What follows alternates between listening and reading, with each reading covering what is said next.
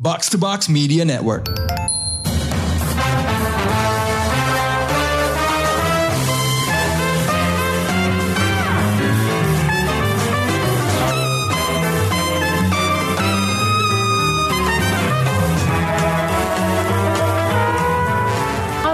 Showbox, Amy di sini membawa satu lagi Anglo review untuk serial Amazon Prime Good Omens Season 2. Loh, kok udah season 2 aja? Season 1-nya ke mana? Nggak ke mana-mana, season 1 Good Omens bisa ditonton di Prime Video, tapi karena serial ini waktu itu keluarnya tahun 2019, dan waktu itu Prime Video belum available secara resmi di Indonesia, jadi gue susah mau nge-review nontonnya aja harus pakai VPN atau cari illegal streaming, makanya ribet. Nah, sekarang baru gue review. Gue nggak akan langsung loncat ke season 2 karena emang kurang pas kalau gue nggak ngebahas dulu season satunya. Serial ini diadaptasi dari novel kolaborasi oleh Neil Gaiman bersama penulis Inggris yang sayangnya udah almarhum Terry Pratchett. Kalau Neil Gaiman itu terkenal lewat novelnya American Gods antara lain dan komik-komik Sandman, Terry Pratchett terkenal lewat seri novel Discworld. Dua-duanya yang sama-sama best-selling author. Di tahun 90 mereka menerbitkan novel yang judul lengkapnya adalah Good Omens, The Nice and Accurate Prophecies of Agnes Nutter Witch.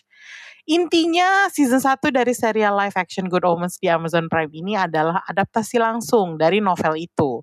Ceritanya adalah gimana sepasang sahabat tanda kutip yaitu angel bernama Aziraphale dan iblis demon bernama Crowley berusaha menggagalkan Armageddon karena mereka udah terlalu nyaman aja tinggal di bumi dan ngerasain gimana enaknya hidup sebagai manusia. Jadi mereka nggak pengen semua itu berakhir karena apokalips. Gimana cara mereka menggagalkan Armageddon? Yaitu dengan mencari seorang anak yang merupakan antikristus. Dan mereka harus mencoba untuk menetralisasi si antikristus ini supaya jangan ngancurin dunia.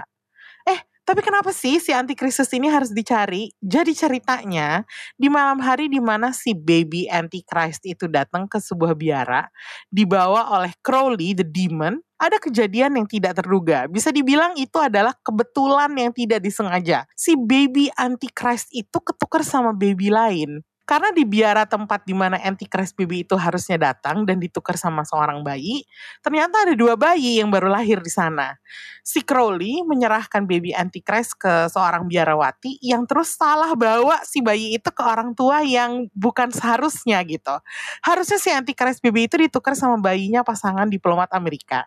Tapi ketukernya adalah sama bayi dari pasangan normal yang datang dari sebuah desa random di Inggris gitu. Jadi sesimpel itu kesalahannya, human error yang bikin baby antichrist itu dibesarin di sebuah desa di Inggris oleh orang tua yang se-English mungkin gitu.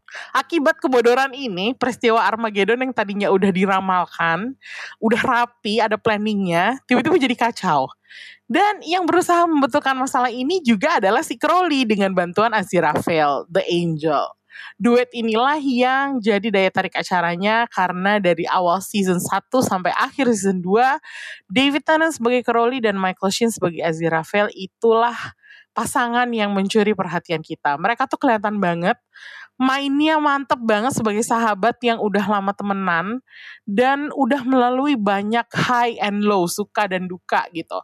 Lama-lama mereka tuh udah kelihatan sebagai sepasang belahan jiwa yaitu soulmates gitu. Dan gak cuman mereka, uh, kita juga disuguhin gimana menariknya Good Omens menginterpretasikan heaven dan hell sebagai tempat-tempat yang punya birokrasi dan politik sendiri gitu. Jadi iblis dan malaikat yang muncul juga mereka tuh over the top dan bikin kita tuh merasa wah nggak normal nih.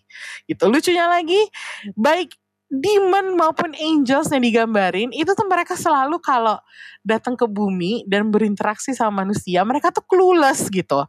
Mereka tuh juga kadang-kadang kita lihat dikasih side eye sama Aziraphale dan Crowley yang kayak capek ngelihat tingkah laku mereka yang aneh-aneh Pokoknya Good Omens season 1 itu fun banget dengan plot yang panjang dan seru.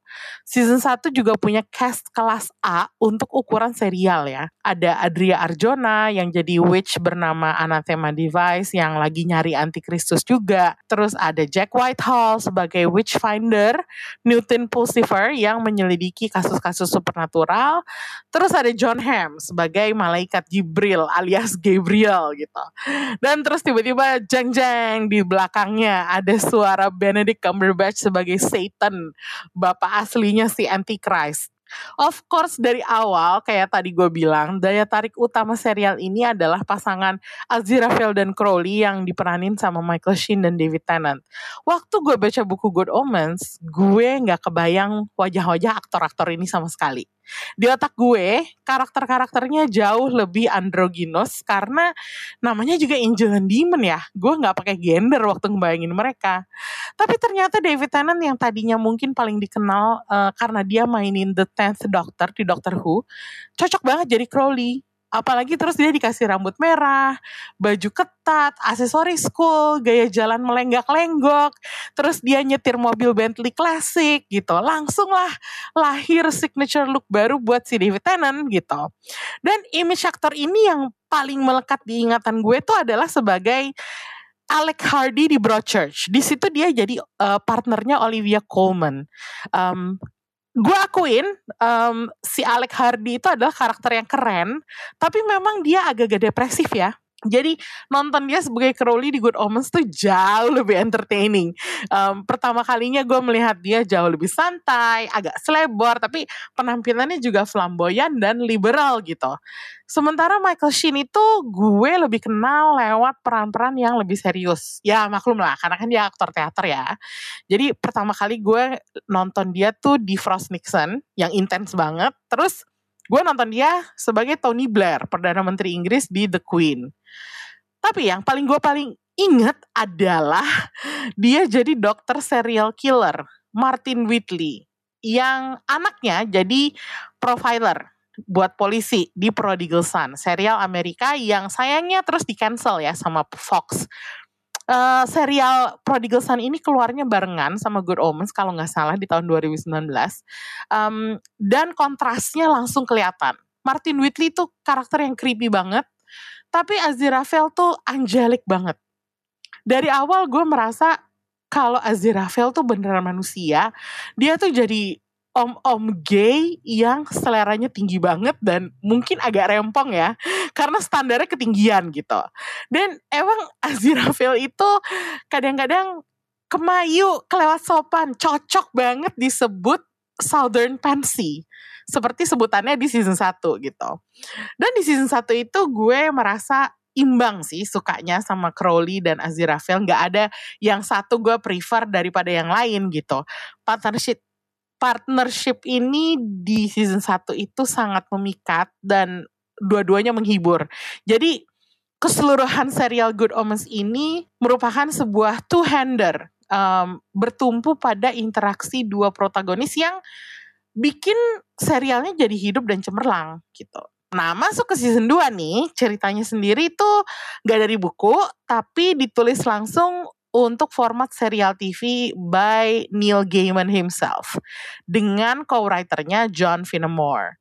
Kalau di season 1 ada plot yang gede banget tentang si Antichrist baby itu dan Armageddon. Di season 2 ceritanya lebih fokus ke hubungan Aziraphale dan Crowley selama uh, jutaan tahun kali ya. Kita dikasih lihat gimana sebenarnya mereka tuh udah ketemu pertama kali jauh sebelum apa yang kita lihat di season 1 di Garden of Eden.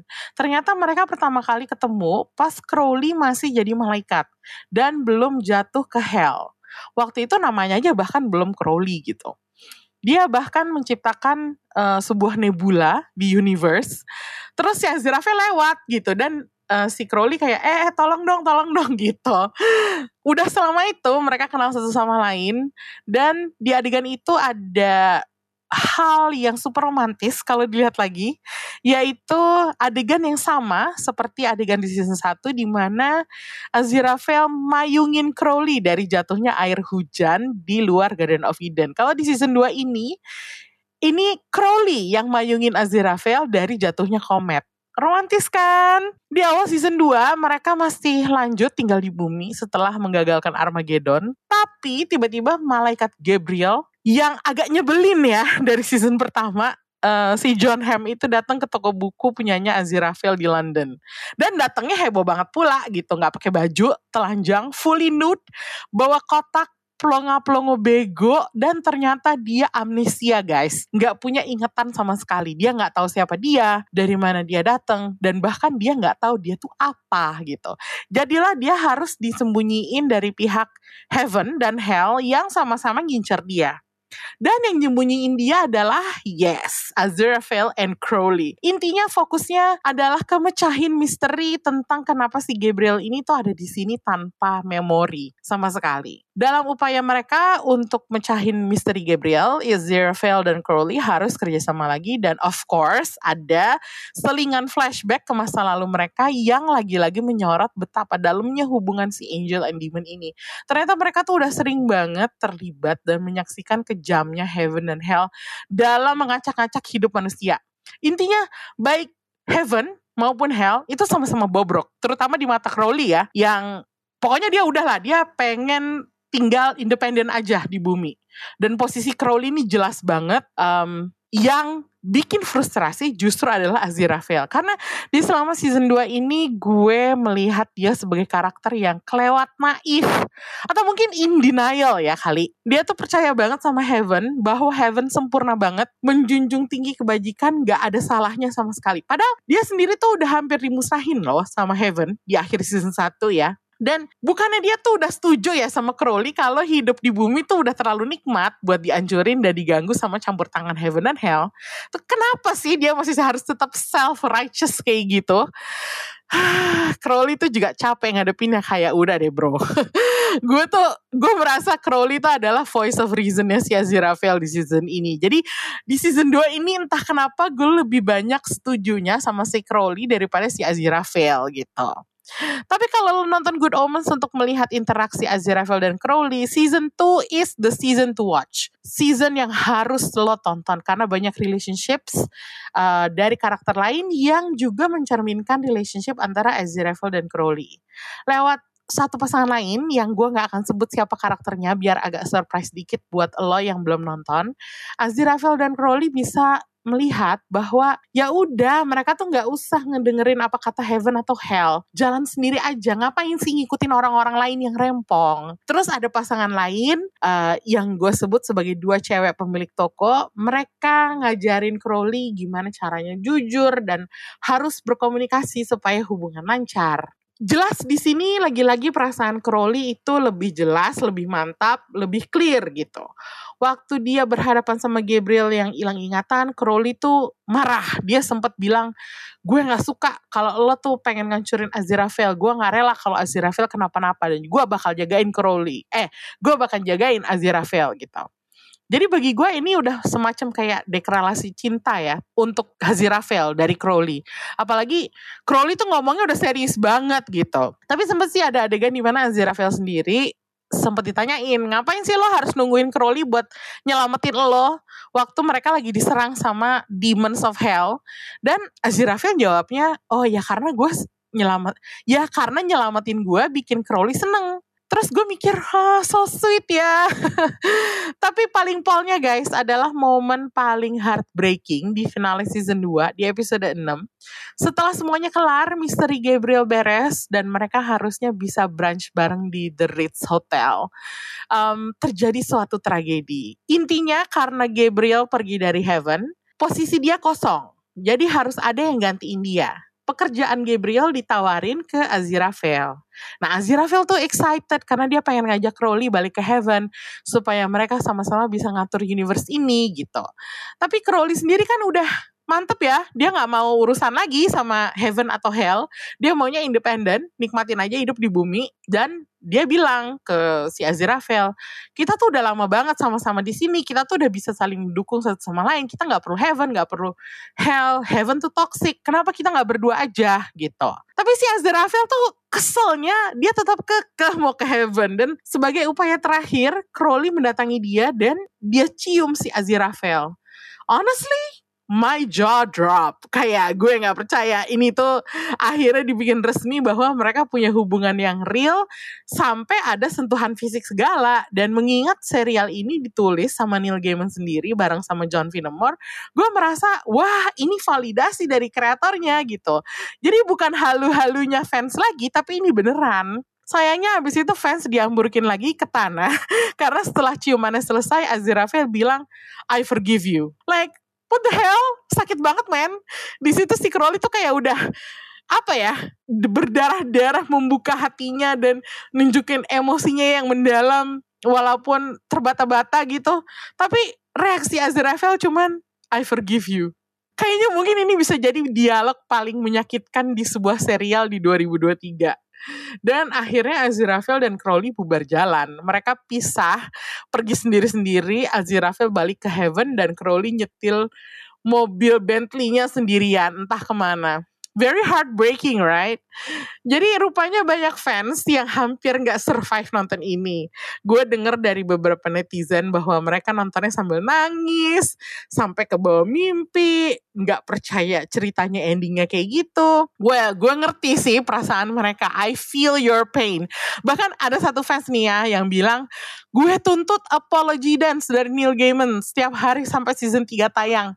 Aduh, apology dance itu adalah tarian norak yang dilakuin sama Crowley di season 2 ini yang bener-bener kocok dan uh, bener-bener kocak dan konyol dan bikin gue ngakak tapi kalau diinget-inget endingnya itu itu gue pengennya ngakak sambil nangis gitu because yes I really feel the pain tapi ya itu dia, gue kagum sama season 2 Good Omens ini karena emosinya keluar banget. Di season 1 kita tuh sibuk ngikutin plotnya yang agak ke sana sini ya. Si Aziraphale, Crowley, Antichrist, Anathema, uh, Heaven, Hell, segala macam gitu. Jadi kita tuh lebih tertarik sama plotnya dan konklusinya gimana daripada pengembangan karakter-karakternya. Sementara di season 2 ini pengembangan karakternya lebih jalan, lebih develop, lebih serius gitu. Jadi kita bisa lebih simpati sama karakter-karakternya seperti si Gabriel juga atau karakter-karakter baru yang baru muncul di season 2. Satu hal lagi yang gue apresiasi dari Good Omens season 2 ini adalah humornya. Humornya kali ini mungkin karena deliverynya lebih pas, jadi gue lebih suka. Di season satu itu masih banyak gaya humor ala Terry Pratchett yang mungkin kalau kita nggak kebiasa sama gaya itu agak susah nemuin kelucuannya. Humor Terry Pratchett tuh mungkin agak spesifik ya. Uh, sementara di season 2 ini humornya lebih universal dan direct. Kayak waktu Aziraphale minjem mobil Bentley-nya Crowley dan dia ubah warnanya. Atau waktu ada zombie-zombie uh, Nazi yang muncul buat ngikutin Aziraphale dan Crowley uh, ke acara sulap di season 2. Itu tuh nggak perlu mikir kayak jokes di season 1 yang seperti Velvet Underground tuh apa sih? Bebop gitu. Itu kan kayak lo butuh pengetahuan ekstra tentang musik untuk memahami jokesnya gitu. Jadi humor season 2 tuh lebih visual, jadi efeknya secara keseluruhan lebih entertaining. Lagi-lagi David Tennant dan Michael Sheen emang harus diacungin jempol ya. Mereka makin mantap main sebagai Crowley dan Aziraphale. Season 2 semakin nunjukin daya tarik mereka sebagai performers yang serba bisa. Gak peduli kostumnya, gak peduli dialognya, gak peduli apa kelakuannya. Mereka bisa banget bikin layar jadi hidup. Ditambah juga penampilan John Hamm yang kali ini harus diakuin sangat menyenangkan. Kadang-kadang John Hamm tuh buat gue kayak so American. Dan mungkin gue kebawa image dia di Mad Men, di mana dia tuh kayak bersinar sendirian gitu. Tapi di sini dia bisa blending dengan baik dan sisi komedinya keluar. Dia nggak keluar mencuat sendirian, tapi supporting David Tennant dan Michael Sheen. Jadi intinya guys, Good Omens baik season 1 maupun season 2 sama-sama menghibur dan nikmat ditonton. Inilah serial yang sedap banget buat di binge di weekend dan bisa bikin lo obsesif. Humornya kuat, plotnya seru, world buildingnya keren, ensemble castnya luar biasa. Ini serial yang top notch banget recommended banget. Kalau lo belum nonton uh, serial ini, lo harus buruan nonton. Dan kalau lo belum langganan Prime Video, terus mau langganan buat serial ini aja, itu udah worth it banget. Gak usah ditebak lagi berapa ratingnya serial ini dari gue. Gue kasih skor tinggi banget buat Good Omens. Empat setengah bintang. Sebenarnya pengen kasih lima bintang sih, tapi karena belum ada kepastian season 3, karena masih ada writer strike di Hollywood, jadi gue menahan diri lah gue udah nggak usah ditanya lagi, gue suka banget jadi empat setengah bintang. Buruan nonton kalau emang belum, dan kalau udah nonton lakukanlah apa yang gue lakukan. Nonton lagi. Seru banget kok. Thank you udah dengerin. See you and bye-bye.